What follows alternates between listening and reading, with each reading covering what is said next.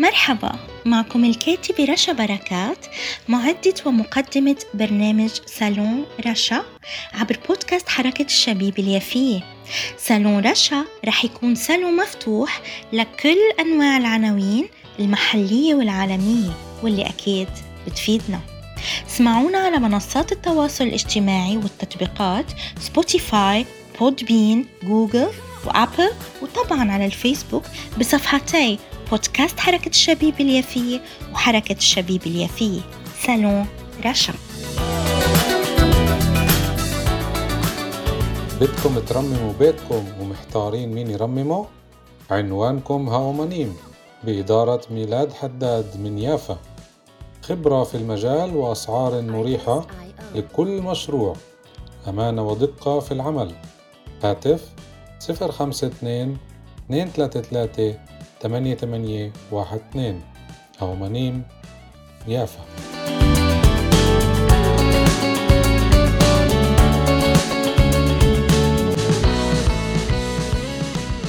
أهلا وسهلا بكم أعزائي متابعي برنامج صالون رشا عبر بودكاست حركة الشبيبة اليافية. حبيت بصالون اليوم أتوجه برسالتي الداعمة للأسرى في سجون الاحتلال. أهالينا الأسرى نحن معكم وأكيد مش رح نترككم.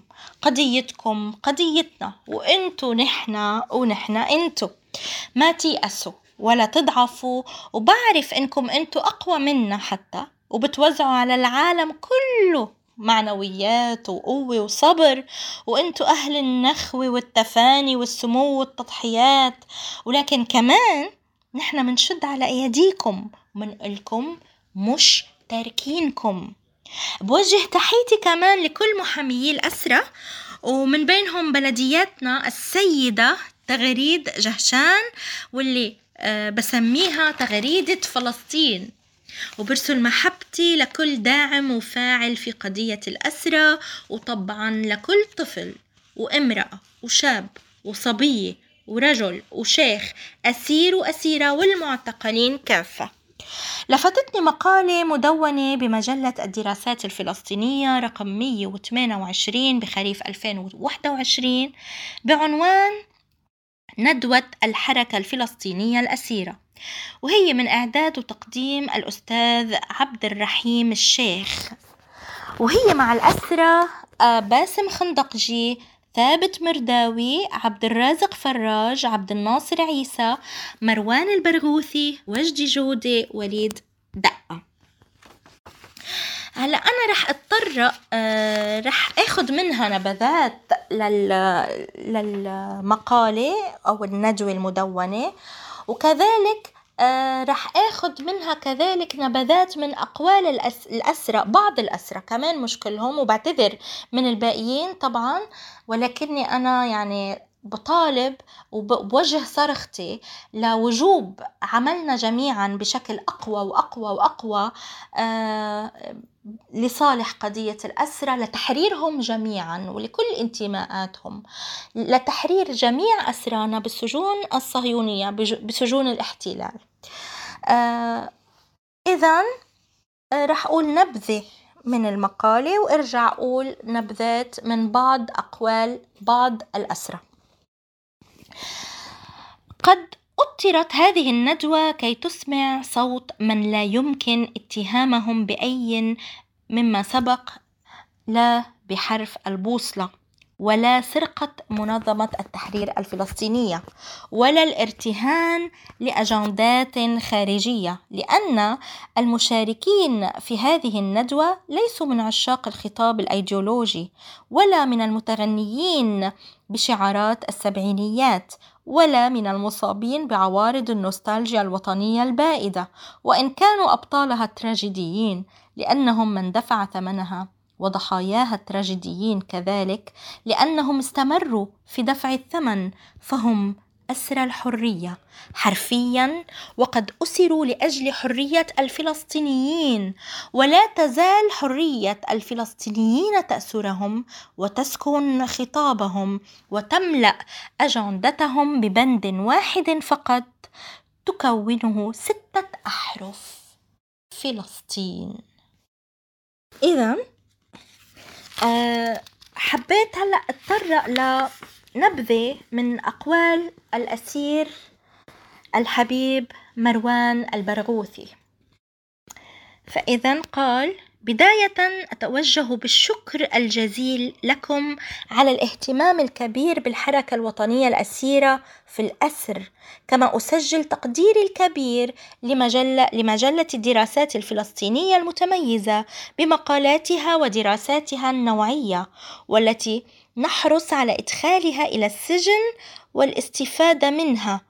وعلى أن تكون من المراجع المعتمدة في برنامج الماجستير التابع لجامعة القدس والذي أتشرف بالإشراف عليه وتدريس جميع مساقاته. وقبل أن أجيب أود تأكيد جملة من الحقائق والوقائع المتعلقة بالاستعمار الصهيوني الاستيطاني لأرض فلسطين والذي تميز بالثبات على عقائده الأساسية.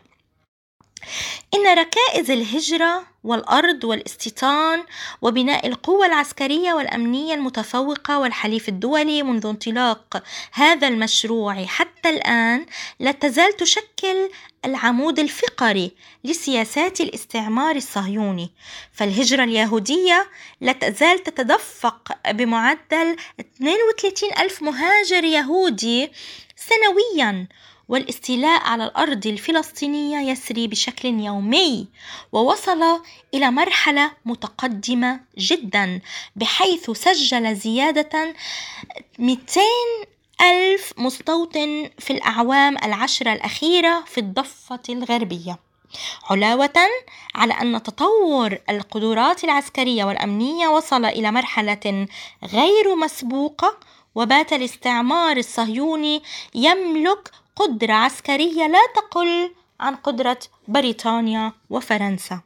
كما أن هذا الاستعمار يساع يواصل بناء تحالف لا مثيل له في التاريخ الحديث بين الولايات المتحدة الأمريكية وإسرائيل. أنا بقول عن الاحتلال يعني. ويجري تحالفات متقدمة مع كل من روسيا والصين والهند. وقد قطعت للأسف حقول إسرائيل لا أقولها يعني. شوطا كبيرا في التحول إلى دولة مركزية في الإقليم تسعى عدة دول للتحالف والتعاون معها. فضلا عن أن الوضع الديموغرافي للوجود الصهيوني لم يسبق أن وصل إلى هذا الحجم أي سبع ملايين ونصف يهودي. إن معركة القدس الأخيرة والمستمرة دليل ثابت وقاطع على ما أكدناه دوما ولم يصدقه البعض وهو أن شعبنا الفلسطيني لديه مخزون نضالي لا ينضب وأن معاناته وآلامه مهما تبلغ لم ولن تدفعه يوما إلى التخلي عن حقوقه الوطنية الثابتة فما يحتاج إليه هو ممارسة المقاومة الشاملة في مواجهة المشروع الصهيوني. وقد أثبتت المعركة الأخيرة المبدأ الذي دعونا إليه دوما وهو المقاومة الشاملة التي تتكامل فيها أساليب وأشكال النضال وتتعاضد فعاليتها مجتمعة. أما الأستاذ الأسير ثابت مرداوي وأوجه له تحية أيضا فقد قال يعني بنبذة أيضا يعني أنا أنتقي أنتقي النبذات. أتوجه إلى الإخوة في مجلة الدراسات الفلسطينية بخالص الشكر والتقدير على جهدهم الذي أدعو الله أن يمن عليه بالتوفيق وبأن ينتفع به. آه، إن المحاور وما فيها من أسئلة تخطر على ذهن كل فلسطيني. أما نحن في الأسر فإنها تشغل تفكير أو تشغل تفكيرنا كله وتلتهم جهدنا ووقتنا ويكاد انشغالنا بها ينسينا انقطاع أنفاسنا هربا من ظلم السجن وملاحقة المؤبد. فالقضايا التي تتناولها المحاور تشير إلى خطوة عفوا إلى خطورة المرحلة التاريخية التي نمر بها والتي هي فعلا أخطر ما وصلنا إليه منذ بداية المشروع الصهيوني كما أن فيها ما يشير إلى مدى ابتعادنا عن صفات حركة التحرر الوطني. نبذة الأسير آه، وجدي جودة وأوجه أيضا له تحية وجدي جودة. آه، كذلك يقول في البداية لابد من شكر لابد من شكر. ودامت مجلة الدراسات الفلسطينية منبرا عروبيا ووطنيا حرا للحوار وتطوير الأفكار. ودامت خطى شعبنا الفلسطيني وشعوبنا العربية وأحرار العالم على طريق التحرر والتقدم والاستقلال نحو عالم جديد.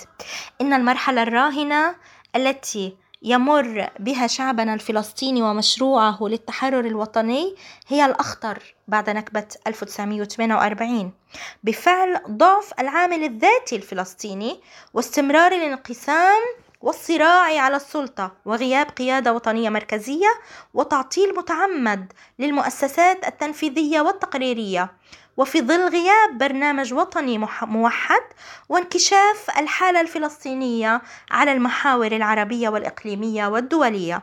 بما في ذلك بما في ذلك مع المستعمر الصهيوني وهذا فضلا عن توزع الشعب الفلسطيني القسري على أكثر من وطن وأكثر من شتات.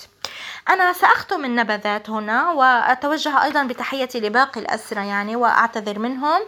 آه يعني وكذلك أنا أنادي بأنه آه بوجوب وحدة صفنا الفلسطيني ولقوة فعلنا ووجوب آه عدم انغماسنا بأي من الفتن وأي من الانقسامات. يعني كفانا انقسام كفانا آه، تشرذم علينا بالوحدة. علينا آه، بتقوية مؤسساتنا بمناداة بإعادة يعني استعادة المؤسسات الفلسطينية ودعمها وتكافلنا وما وكل ما يعني يمثل شعبنا الفلسطيني بكل قضاياه آه، ويعني قد ما فينا نحاول ننبذ أي آه، تفرقة ما بيننا وإعادة اللحمة الفلسطينية الفلسطينية واحترام كل انتماءاتنا. خلينا نرفع دايما علمنا رايتنا هي فقط العلم الفلسطيني. وليتنا ننجز ب وإنجازنا يكون هو تحرير كامل التراب الفلسطيني والأسرة جميع الأسرة.